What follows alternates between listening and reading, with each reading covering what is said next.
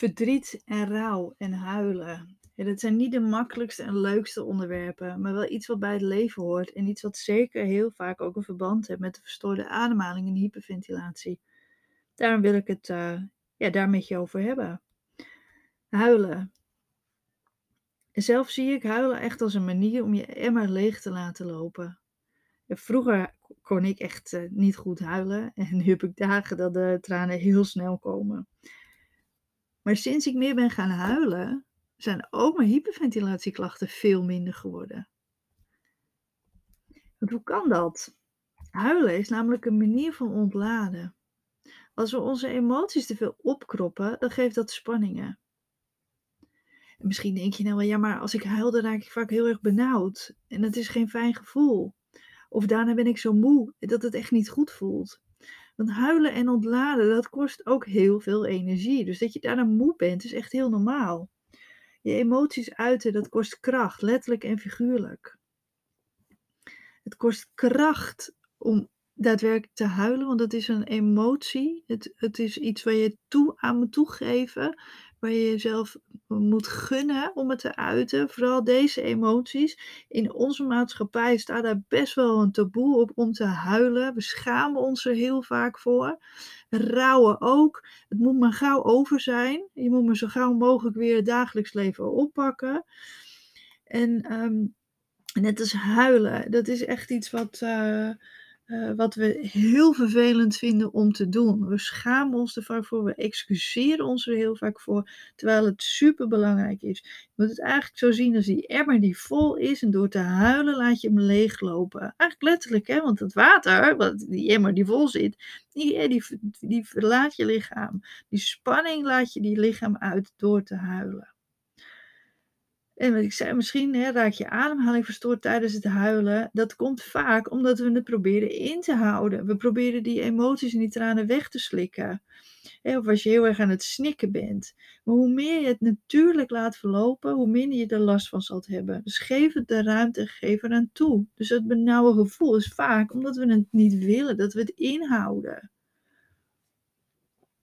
En, en echt huilen, dat, dat kan echt heel erg opluchten. Misschien niet op het moment zelf en daarna ben je misschien nog wel moe, maar daarna wel. Het geeft echt ruimte, want je laat die emmer leeglopen. En misschien kan jij niet huilen en dat komt heel vaak voor. Maar maak je er ook geen zorgen om hè? als je die behoefte niet voelt. Of misschien merk je dat die tranen heel hoog zitten, maar dat ze er niet uitkomen. En dan voelt het als een blokkade. En dat kan. Misschien kan je er een keer met iemand over praten. Als je het gevoel hebt dat je niet uh, kunt huilen, dan zijn er dingen die je kunt proberen te doen. Uh, er zijn misschien plekken waar je je wel veilig genoeg voelt om te huilen. Bijvoorbeeld in de, onder de douche.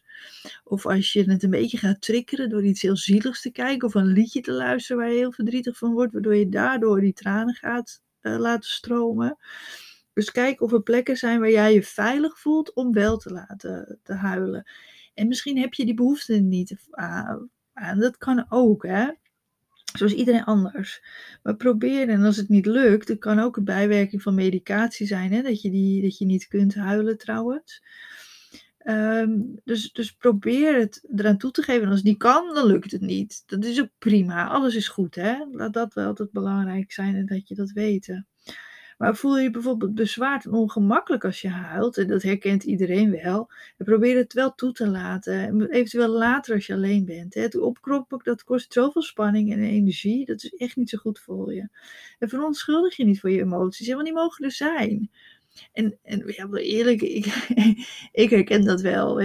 Ik verontschuldig, tenminste, ik laat het ook niet altijd graag tonen. Want als ik in een coachinggesprek zit en iemand anders begint te huilen, en dan heb ik heel veel moeite om niet ook te gaan halen. Vooral als het iets is wat mij ook persoonlijk raakt. Of waar bij mij misschien nog wel iets, iets te verwerken op zit, zeg maar. en dan is het natuurlijk ook weer niet zo netjes voor mij als ik natuurlijk ook ga zitten, mee ga zitten huilen.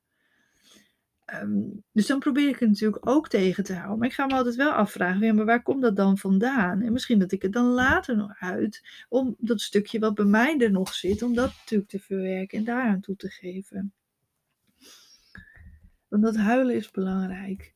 En verdriet. Verdriet ontneemt je letterlijk de adem. Je verdrinkt in je verdriet. Als je die tranen onvoldoende kan toelaten, eh, kan toelaten en dan loopt die emmer vaak over.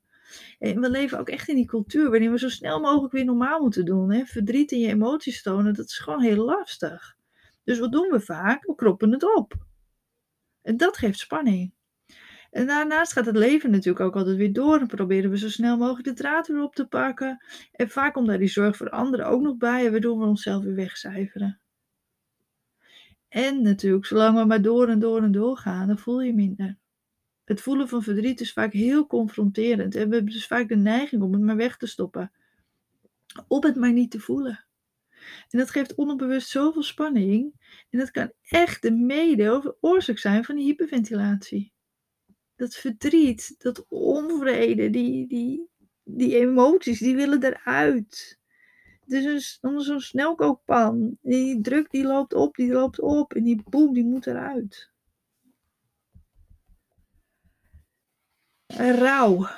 Een heel groot deel van de mensen die ik altijd gecoacht heb, die hebben hyperventilatieklachten gekregen na het overlijden van een dierbare. En heel vaak een vader of een moeder die op, op jonge leeftijd is overleden. En zelf was het overlijden van mijn vader ook echt een hele grote oorzaak van mijn klachten. En weet je, er wordt ons namelijk ook niet verteld hoe we moeten rouwen. En daarnaast vaak ook zo persoonlijk. En in die cultuur waarin we leven wordt ook van ons verwacht dat we zo, niet zoveel emoties tonen en zo snel mogelijk de draad weer oppakken. Maar dat verlies heeft zoveel impact en het geeft zoveel stress dat na een tijdje, soms zelfs na jaren, dat je klachten kunt krijgen. Rouw en verlies hoeven echt niet alleen te zijn bij, bij overlijden. Hè? Dat is belangrijk om te weten. Maar scheiding, verhuizing of ruzie of vriendschap hè, die, die verbreekt, kan echt een vorm van rouwen zijn. Dus, dus vergeet dat ook niet. Rouwen denken echt dat het aan die dierbaar die overlijdt. Maar rouwen kan heel veel meer zijn. Dat is echt afscheid nemen van iets. En heb je echt heel hulp bij nodig, zoek die dan. je hoeft het echt niet alleen te doen. En het is ook geen falen als je hier steun voor nodig hebt. Niemand vertelt ons hoe je moet rouwen.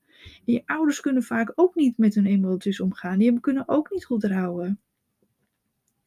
En ik weet wel, hè, toen mijn vader ziek was en overleed, uh, ik probeerde zo snel mogelijk door te gaan. Zo snel mogelijk ging, ik was net begonnen met mijn HBO-studie. En um, dus, dus dan ga je weer zo snel mogelijk naar school. Je probeert je cijfers goed te halen. En ik wou ook heel graag uh, nog even goed uitgaan. Dus ik ging maar door en door en door. Ja, op een gegeven moment ging dat niet meer. Ik moest het er toch uit. Maar ik wist op dat moment ook niet hoe ik daar nou beter mee om had kunnen gaan. Ik, ik wist het niet. Ik zou het nu nog steeds niet goed weten. Behalve dat ik weet dat ik in zo'n fase heel veel beter voor mezelf zou zorgen, want dat deed ik toen niet zo heel goed. En dat zijn natuurlijk dingen waar je weer van leert. Net als emoties. Ja, ik probeerde ze allemaal maar te verkroppen, want ik wou geen last zijn voor andere mensen. Wou niet dat ze dachten van, oh, ik zit ze te huilen, wat moeten we nou met haar? Dus kropte ik het maar op. En op een gegeven moment voel je het niet meer. Dan ga je maar door. Maar ja, het moet er wel uit. En dat gebeurde dus bij mij met hyperventilatieklachten. En bij met mij heel veel, bij heel veel anderen. En dat kan echt jaren later nog eruit komen. Hè? Heel bijzonder hoe dat eigenlijk werkt. Maar, moraal van het verhaal, heb je emoties, uit ze, toon ze, gooi het eruit. Ga je een kussen slaan, schreeuwen, net zodat tot die tranen komen. Ga onder de douche staan met een zielig liedje Ga huilen, probeer het als het eruit komt. Dan wil het niet, dan is het natuurlijk ook goed. Maar voel je dat het komt, heb je er wel, uit het dan. Door het op te kroppen en weg te slikken, ja, krijg je juist heel veel spanning, heel veel keelspanning. Komt ook echt door die emoties die niet geuit worden. Dat je niet zegt wat, wat er op je, wat je, wat je wil uiten. Door het steeds maar opkroppen van die emoties, door het wegslikken van die emoties, wegslikken van je tranen. En dat komt heel veel voor met die keelspanning, die spanning op die keel. Dus probeer het, uh, ja, probeer het echt te uiten. En wees door die heel erg lief voor jezelf.